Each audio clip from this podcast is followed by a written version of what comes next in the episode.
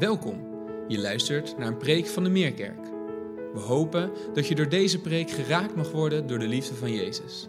En dat je aangemoedigd mag worden om Hem samen met ons te volgen en van Zijn liefde te getuigen.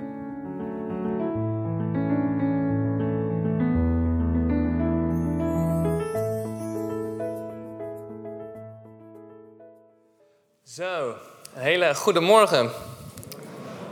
Mooi om hier eh, te zijn vandaag. Als u een eh, Bijbel heeft meegenomen, mag u opzoeken Lucas, hoofdstuk 19. Daar gaan we wat tijd doorbrengen met elkaar deze ochtend. Eh, het is mooi als je het evangelie van Lucas neemt. Lucas kun je eigenlijk opdelen in drie grote gedeeltes. De eerste negen hoofdstukken die vertellen ons wie is Jezus, waarom is hij op aarde gekomen, wat is zijn missie. Daarin vertelt hij over het koninkrijk van God, ontvouwt hij de geheimen van zijn koninkrijk. En dan in Lucas 9, vers 51 is eigenlijk een soort breekpunt in het verhaal.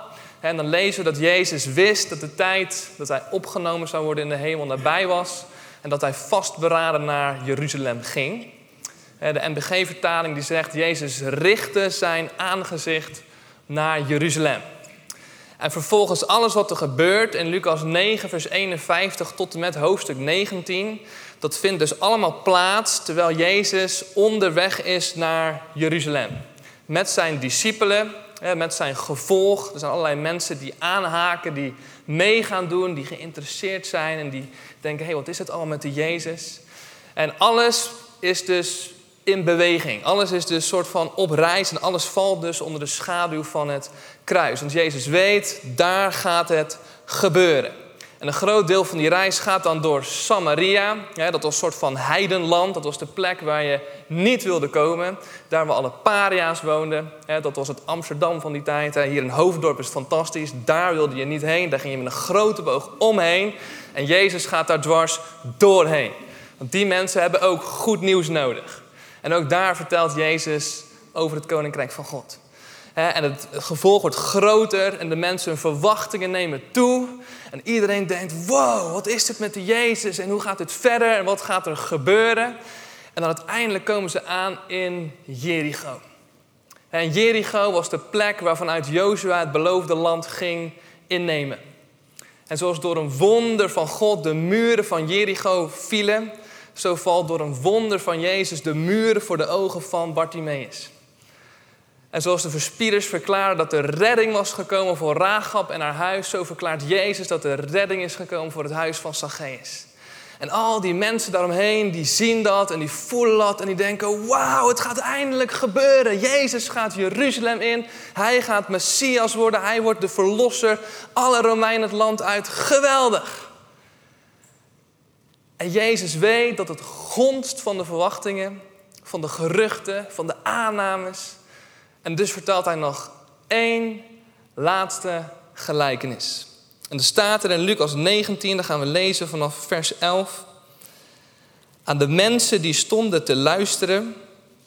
Dus die mensen die net die hele episode met Zacchaeus hebben gemaakt. Die mensen die de adrenaline nog door hun lijf voelen stromen. Vertelde hij nog één gelijkenis. Aangezien hij nu dicht bij Jeruzalem was en zij dachten dat het koninkrijk van God spoedig zou aanbreken. Dus Jezus weet wat ze denken. En dus vertelt hij nog één gelijkenis. En dan gaat hij vertellen. Lees maar mee in vers 12. Lucas 19, vers 12. Hij zei: Een man van voorname afkomst ging op reis naar een ver land om het koningschap in ontvangst te nemen en dan terug te keren.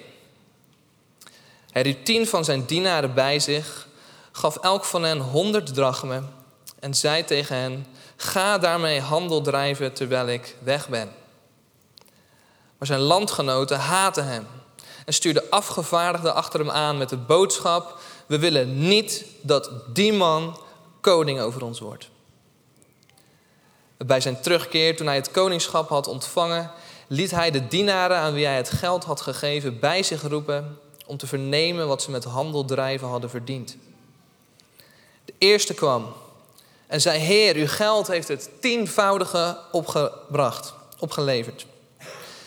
En zijn meester zei: Voortreffelijk, je bent een goede dienaar.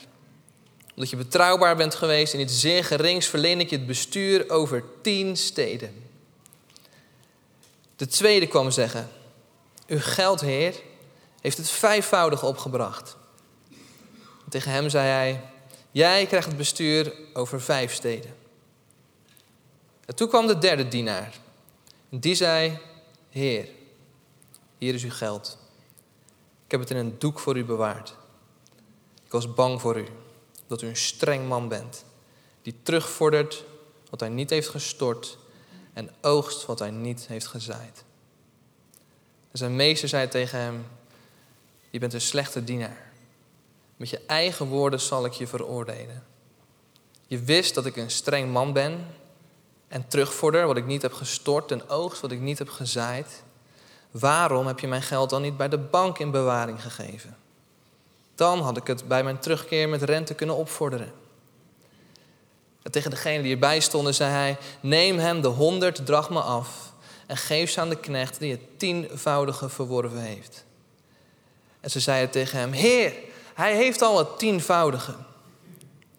En ik zeg jullie: wie heeft, zal nog meer krijgen.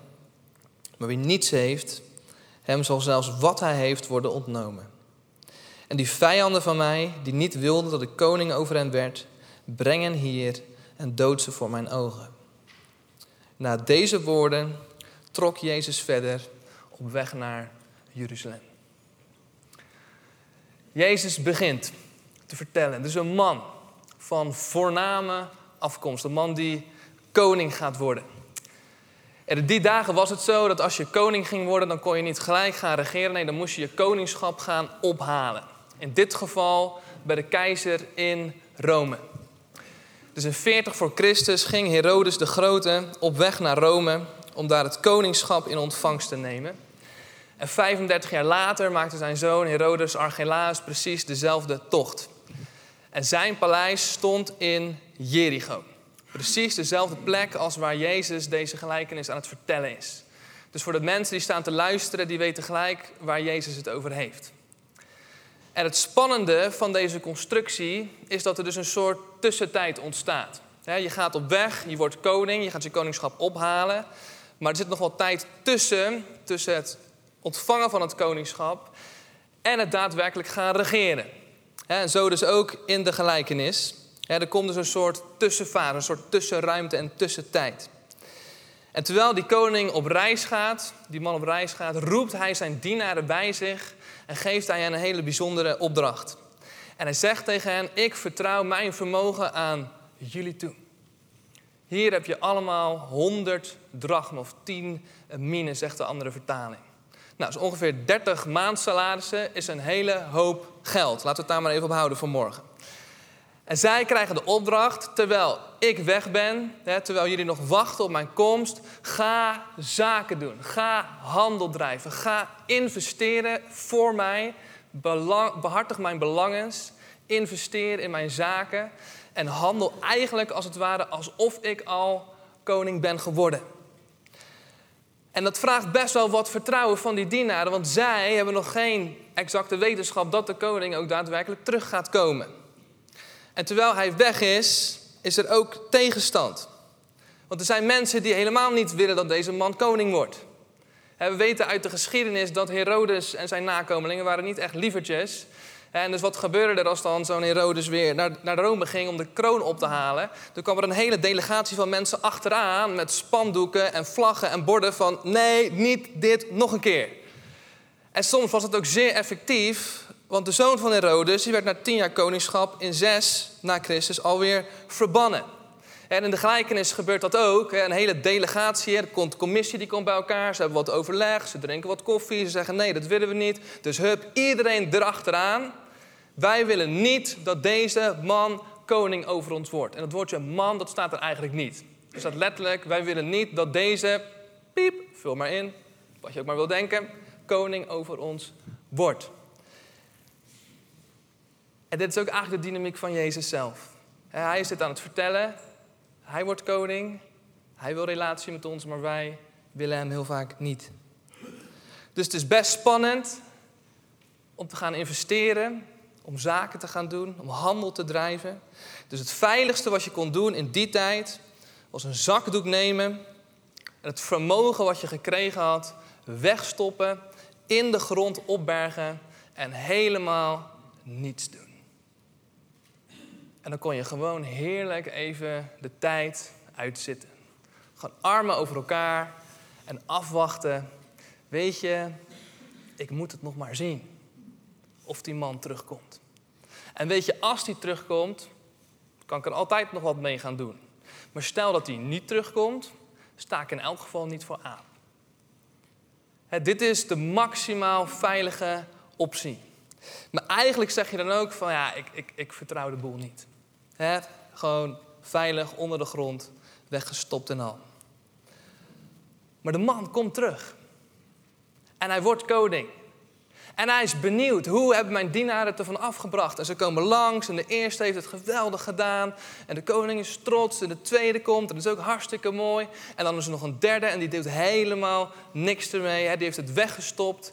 En oh, dat is toch wel heel erg. En wij met ons kapitalistische, Calvinistische hoofd, wij lezen dan dit verhaal en wij zeggen: ja, inderdaad, God geeft je gaven, talenten. Ga ervoor, ontwikkel ze. Hè, werk hard en hoe harder je werkt, hoe meer zegen je zult ontvangen. En hoe minder je doet, ja, dan ben je toch een beetje lui en een beetje dom. Toch? Wie heeft dit verhaal wel zo gehoord? Een soort talentontwikkelingsverhaal. Hè?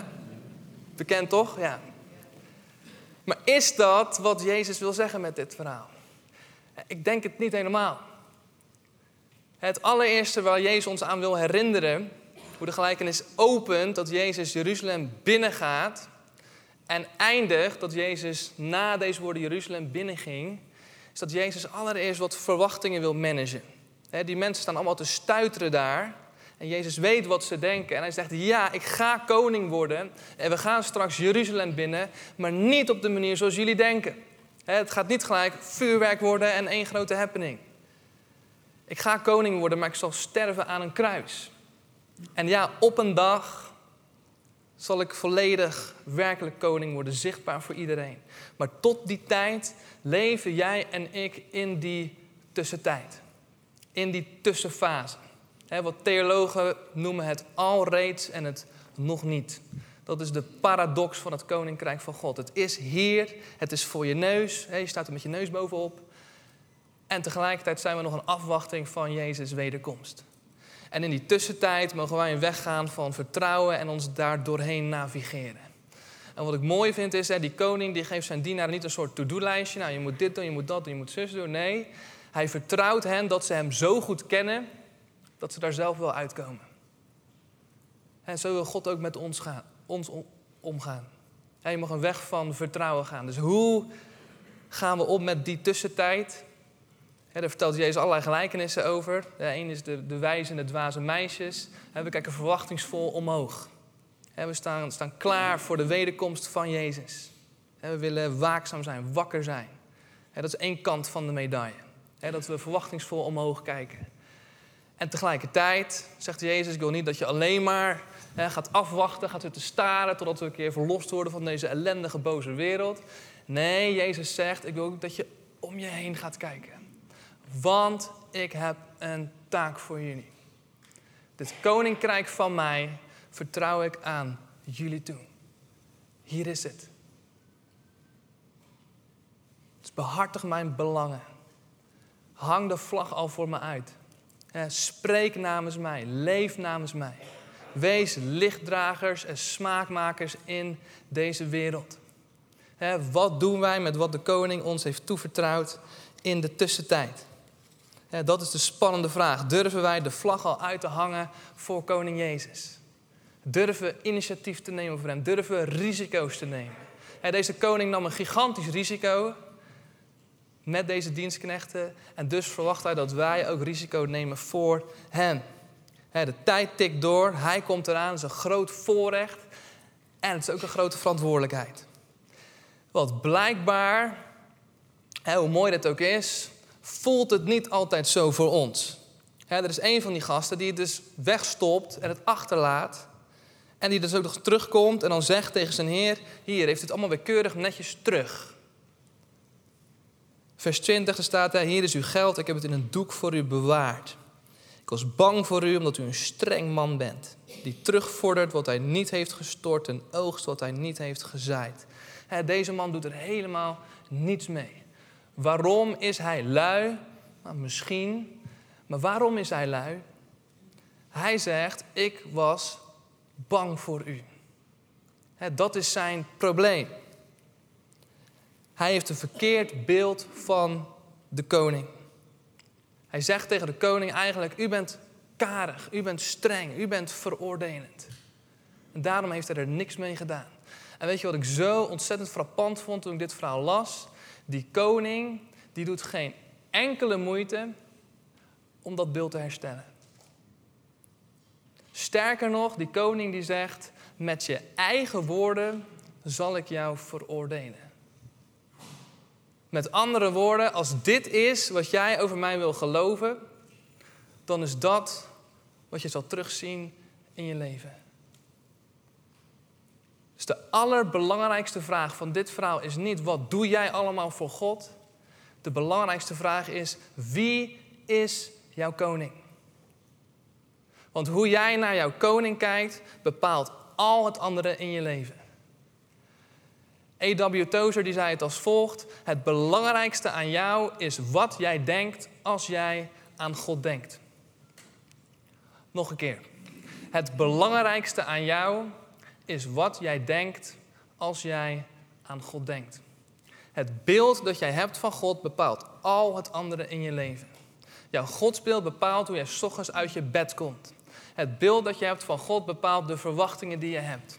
Het beeld dat je hebt van God bepaalt hoe vrijmoedig je voor Hem wil handelen.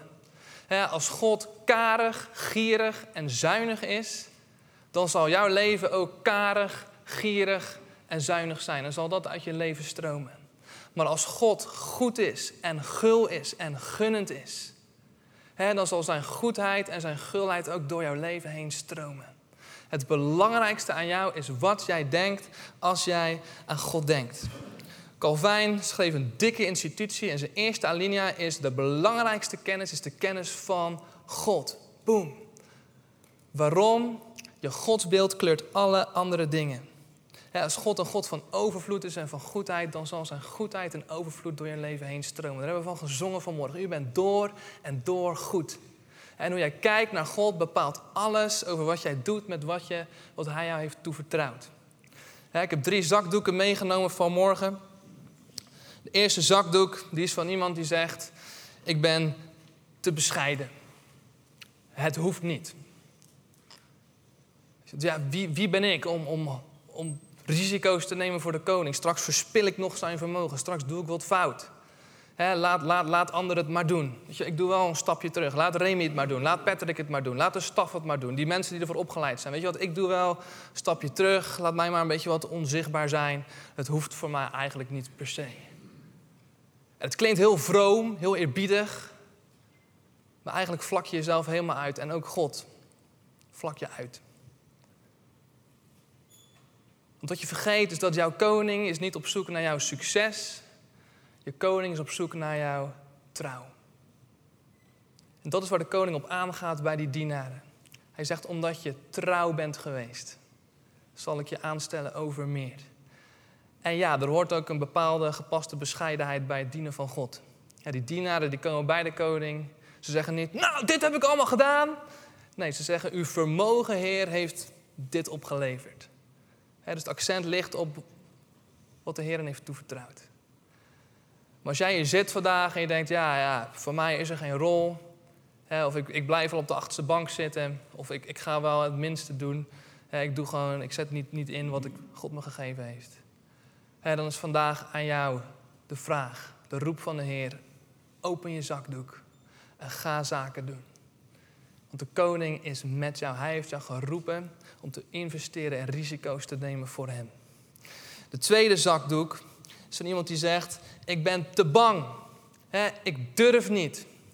En het godsbeeld dat je hebt, is dat God in de hemel zit met zijn armen over elkaar te wachten totdat jij een fout maakt. En zegt: Eh, ja, zie je wel. Ja, het, ach, ik zie het ook echt niet zitten met hem of haar. Ja, ik had al die andere mensen kunnen vragen, maar hem, oh, verschrikkelijk. En het legt je lam, het maakt je passief. je kleurt netjes binnen de lijntjes. Je kijkt vooral om je heen wat je anderen ziet doen. Je denkt, nou, als ik dat ook maar gewoon een beetje doe, als ik het gemiddelde neem van al die honderden mensen die hier zitten, nou, dan zal het wel hopelijk oké zijn. En de creativiteit, de vreugde van het leven met God en het werken van God is helemaal uit je leven gelopen. Want eigenlijk is angst je grote drijfveer in je christelijk leven. En dat is zo jammer. Want wat God zegt is, je hoeft niet voor mij te werken, je mag met mij werken. En God vertrouwt ons zijn koninkrijk toe. Wij mogen partners zijn van God in zijn grote opdracht. En ja, hij heeft ons echt niet nodig. Maar hij vindt het superleuk om het met ons te doen. Als een vader die zijn kinderen meeneemt naar het werk. En ja, ze lopen vooral de weg. Maar vader vindt het geweldig als zijn kinderen mee gaan doen. En God vindt het geweldig als jij mee gaat doen. jouw koning is niet een vrede, strenge slavendrijver. Jouw koning is een gulle, goede meester. Dus als jij te bang bent, dan is aan jou vandaag de roep: open je zakdoek, ga zaken doen. Maar misschien zit je wel hier, dan heb je niet zo'n probleem met angst of bescheidenheid. Maar als je heel eerlijk bent, ben je eigenlijk gewoon te beroerd. En je wil niet. Ja, het is prima. Kom lekker een dienstje meepakken op zondag. Kom wel op een stoel zitten. Misschien ga ik nog naar een kring. Maar uh, nou, twee tijdslots per week. Ik heb een druk leven, dus uh, zo best Weet je wel? Eigenlijk wil ik gewoon niet. En Jezus mag mijn redder zijn. Hij mag me verlossen van mijn zonde. Maar mijn Heer over mijn leven, ja, dat is, dat is moeilijk, druk, gedoe. Ik wil niet. En tegen jou zegt God, ik ben ook jouw Heer. Ik ben niet alleen je redder, ik ben ook je koning. En wat doet een koning? Een koning zet zijn mensen in. In zijn missie, in zijn strijd. En jij bent geroepen om mee te doen. En niet omdat je zelf zo geweldig bent, maar omdat God jou waardig heeft gekeurd. Een van mijn favoriete teksten als spreker is 1 Thessalonicense 4. Er staat, God heeft ons waardig gekeurd. Hij heeft ons het evangelie toevertrouwd. wij zijn niet perfect, maar Jezus is een perfecte redder. En daarom mogen we vol vrijmoedigheid over hem spreken en met hem ondernemen en voor hem gaan.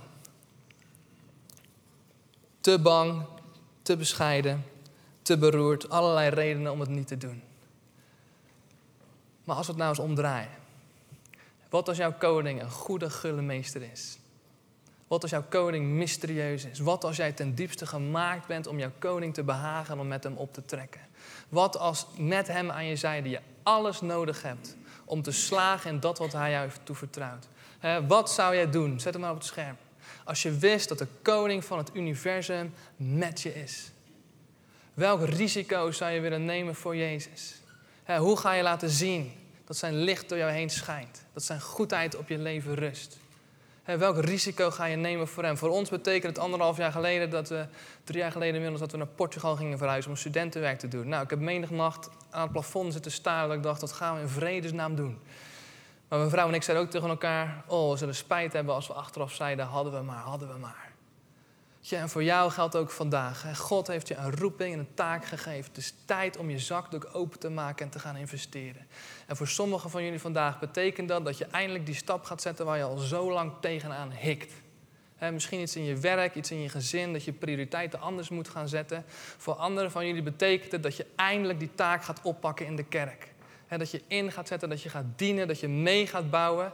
het is een nieuw seizoen, er is een wisseling geweest in leiderschap. En deze mannen hebben jullie nodig.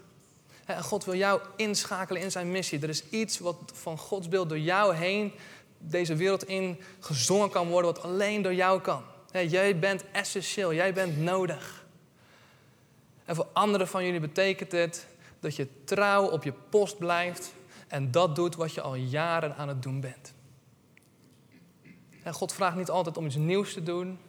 God vraagt ook dat je trouw bent en consistent dat blijft doen wat je in het verborgen aan het doen bent. Om toch elke zondag weer die kinderen voor zijn troon te brengen en te zegenen en over Jezus te vertellen. Om bij de deur te gaan staan en mensen te verwelkomen. Om in je straat te bidden voor de mensen in je wijk. wat zou jij doen als de koning van het universum met je is? Want één ding weten we, deze koning komt terug. wij hebben wel die zekerheid dit is geen optioneel verhaal. Dit is een verhaal met urgentie. Dit is een verhaal wat noodzaak heeft. Want de laatste dag van je leven, of als Jezus terugkomt, zullen wij voor Hem staan. En dan zullen we, zal Hij vragen, wat heb je gedaan met dat wat ik je heb toevertrouwd? En ik weet niet of het voor jou is, maar ik zie dat zo voor me. En probeer het voor je te stellen dat je straks oog in oog staat met jouw koning. En dan zal al het andere wegvallen. Dan zal je niet denken aan de auto waarin je reed of het huis waarin je woont. Dan zal je voor eeuwig verdrinken en verdwalen in zijn ogen vol goedheid en liefde. En dan zal de koning hoogstpersoonlijk tegen jou zeggen: Goed gedaan, goede en getrouwe dienstknecht. Kan je je voorstellen dat je die woorden zal horen uit de mond van Jezus zelf? Ik wil leven voor die woorden, ik wil leven voor die dag. En tot die tijd mag ik het namens de Heer doorgeven aan jullie. Goed gedaan, goede en getrouwe dienaar. God ziet het. God ziet hoe je hier vandaag zit en hoe je jezelf steeds weer geeft aan, aan zijn zaak, aan zijn koninkrijk. De Heer zegt, goed gedaan, goede en getrouwe dienaar. Blijf op je post, blijf ervoor gaan. misschien zit je in je gezin met allerlei dingen en ren je je rot en heb je nooit tijd voor jezelf. En God zegt vandaag tegen jou, goed gedaan, goede en getrouwe dienaar. misschien zit je hier als senior, zit je hier al jaren in de kerk en ben je een zegen en een voorbeeld voor de generaties die na je komen. En Jezus zegt vandaag, Goed gedaan, goede en getrouwe dienaar. Blijf doorgaan, blijf trouw. Hou je oog op mij gericht. En dan op de aller, allerlaatste dag, dan sta je voor hem. En dan zal je hoogstpersoonlijk uit zijn mond horen. Goed gedaan, goede en getrouwe dienaar. Welkom thuis. Laten we feest gaan vieren. Zullen we bidden met elkaar?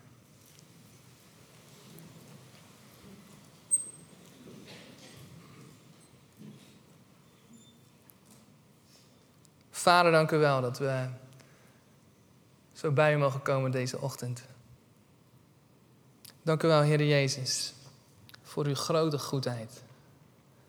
Voor uw genade, voor uw liefde voor een ieder van ons. Dank u wel, Heer Jezus, dat u heel de weg bent gegaan. Heer, dat u mens bent geworden, dat u de tocht heeft gemaakt naar Jeruzalem. Om daar te sterven, om uw leven te geven Heer, dat wij vandaag een afwachting mogen zijn van uw definitieve koningschap. Heer, we zien uit naar die dag. Heer, dat de aarde vol zal zijn van de kennis van de Heer. Heer, dat elke knie voor u zal buigen, Heer Jezus. Heer, we willen u zo danken dat we in de tussentijd dat u ons het voorrecht gegeven heeft om mee te doen in uw missie. Heer, om goed nieuws te brengen in deze wereld, om licht te verspreiden en hoopdragers te zijn. Dank u wel, Vader, dat u een goede God bent. Heer, dat u ervan geniet om ons in te schakelen in uw missie. Heer, ik bid zoals we hier zitten. Heer, u weet welke beperkende overtuigingen we koesteren in ons hart over wie u bent. Heer, welke verkeerde beelden we op ons netvlies hebben staan, die ons beperken om vreugdevol voor u te leven. En ik bid de Heilige Geest van God dat we vandaag uw fluistering mogen horen. Heer, om eerst op te zien naar u. Heer, vervolgens onze zakdoek open te maken. Heer, en aan de slag te gaan met dat wat u ons heeft toevertrouwd. En ik bid bovenal, Heer Jezus, dat u ons het diep besef van de eeuwigheid geeft. Heer, dat we niet zullen leven voor een week of voor een jaar of tien jaar, maar dat we mogen leven voor de eeuwigheid. Heer, waar u ons voor gemaakt en geroepen en bedoeld heeft. Heer, dat alles wat we doen, Heer, dat het eeuwigheidswaarde mag hebben. En ik bid, Heer Jezus, als we hier zitten en we zijn moe, we willen eigenlijk nog langer vakantie hebben, we hebben geen zin in. Heer, dat U onze motivatie mag zijn, onze drijfveer. Heer, dat we op een dag Uw woorden willen horen. Die zegt, goed gedaan, goede en getrouwe dienstknecht.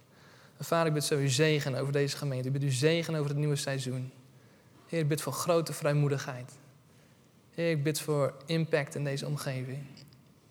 Heer, dat uw naam geprezen zal worden, Jezus. En uw koninkrijk meer en meer zichtbaar mag worden. Heer, dat bidden we u tot eer en glorie van uw grote naam. Amen. Fijn dat je hebt geluisterd. Voor meer informatie ga naar www.meerkerk.nl